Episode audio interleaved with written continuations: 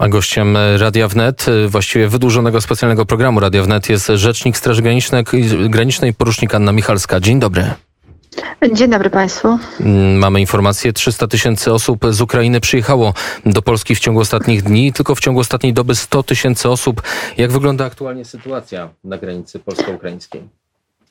W tej chwili, dzisiaj od północy do godziny 15 odprawiliśmy na kierunku wjazdowym już 58 tysięcy, czyli od e, momentu rozpoczęcia działań zbrojnych na Ukrainie. Z Ukrainy uciekło do Polski już ponad 312 tysięcy osób. W takim razie, jak, jak wygląda sytuacja na danych przejściach? Wiemy, że wyjazd z Polski jest łatwiejszy niż wjazd. Jak to się odbywa? Na wyjazd z Polski nie odnotowujemy praktycznie e, żadnych kolejek, choć, e, choć e, tych osób codziennie wyjeżdża sporo, bo to około 10 tysięcy. Są to głównie mężczyźni, obywatele Ukrainy, którzy wracają do swojego kraju, jak sami nam mówią, walczyć tam o swoją ojczyznę, więc średnio od 9 do 10 tysięcy osób wyjeżdża codziennie na Ukrainę. Natomiast jeżeli chodzi o ten kierunek wjazdowy, to ruch jest dużo, odprawiamy rekordowe liczby osób. Nigdy nie odnotowywano na tym odcinku granicy, bo tak jak wspomniałam wczoraj rekordowe 100 tysięcy. Dzisiaj przypuszczalnie to będzie też taka liczba, więc czas oczekiwania to jest od kilku do kilkuna, od kilkunastu do kilkudziesięciu godzin.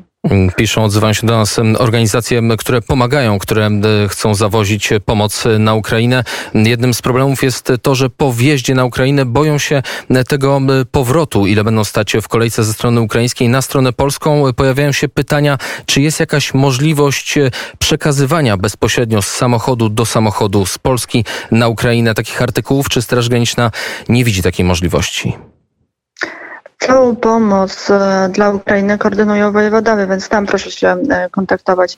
W Medyce jest organizowana pomoc humanitarna, konwoje, które tam wjeżdżają i wolontariuszom e, z Ukrainy przekazują na przejściu, czy też obok przejścia tę pomoc. Natomiast tutaj za całość tych działań odpowiadają wojewodowie. My z nimi oczywiście współpracujemy, ale jeżeli ktoś chce pomagać, no to sugeruję dzwonić do wojewodów, którzy koordynują całą pomoc. Duże podziękowania dla działania Straży Granicznej. Widzimy te zdjęcia, widzimy te filmy, kiedy strażnicy pomagają, czy to przenieść walizki, czy to, czy to niosą dzieci na rękach. Jakie informacje płyną od samych strażników, jak oni się czują w tej całej sytuacji?